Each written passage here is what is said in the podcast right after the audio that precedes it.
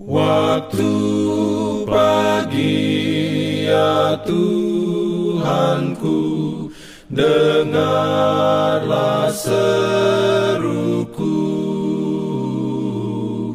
Melayang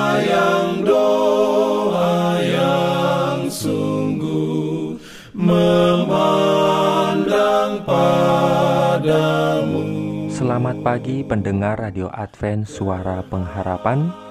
Mari mendengarkan suara Tuhan melalui tulisan pena inspirasi Agama yang bersinar.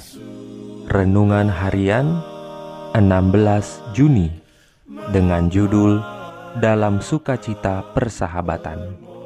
Ayat inti diambil dari Lukas 1 ayat 58 Firman Tuhan berbunyi, ketika tetangga-tetangganya serta sanak saudaranya mendengar bahwa Tuhan telah menunjukkan rahmatnya yang begitu besar kepadanya, bersukacitalah mereka bersama-sama dengan dia. Diberikannya perlindungan dalam pimpinannya. Urayanya sebagai berikut. Simpati yang bersahabat dan perasaan yang lembut terhadap orang lain akan membawa berkat bagi jiwa Anda dan akan membawa Anda ke dalam hubungan dekat dengan penebus kita yang kedatangannya ke dunia adalah untuk tujuan berbuat baik dan yang hidupnya akan kita tiru. Kasih dan minat para pengikut Kristus harus seluas dunia. Mereka yang hidup hanya untuk aku dan milikku akan gagal masuk surga. Kita harus memiliki kata-kata dan perbuatan yang memikirkan orang lain dengan lemah lembut. Kita dapat mewujudkan seribu perhatian kecil dalam kata-kata yang ramah dan penampilan yang menyenangkan yang akan tercermin pada kita lagi.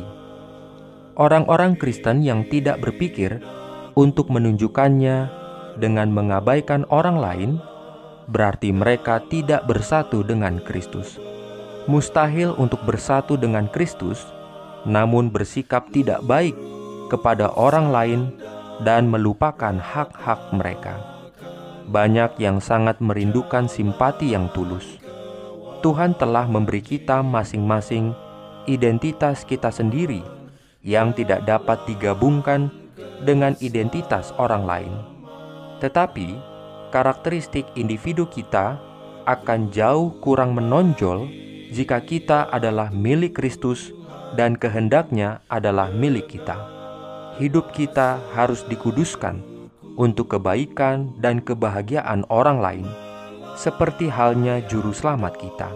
Kita harus melupakan diri sendiri, selalu mencari peluang bahkan dalam hal-hal kecil, untuk menunjukkan rasa terima kasih atas bantuan yang telah kita terima dari orang lain, dan memperhatikan kesempatan untuk menghibur orang lain dan meringankan serta mengurangi kesedihan dan beban mereka dengan tindakan yang lembut melalui kebaikan dan perbuatan kasih yang kecil. Sopan santun yang bijaksana ini yang dimulai dalam keluarga kita meluas keluar lingkaran keluarga, membantu melengkapi kebahagiaan hidup, dan dengan mengabaikan hal-hal kecil ini akan menambah kepahitan dan kesedihan hidup. Amin. Diberikannya perlindungan dalam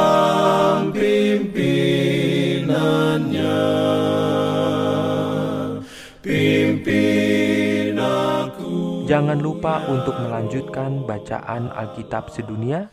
Percayalah kepada nabi-nabinya yang untuk hari ini melanjutkan dari buku Mazmur pasal 41. Selamat beraktivitas hari ini. Tuhan memberkati kita semua. Jalan kewajiban, jalan keselamatan.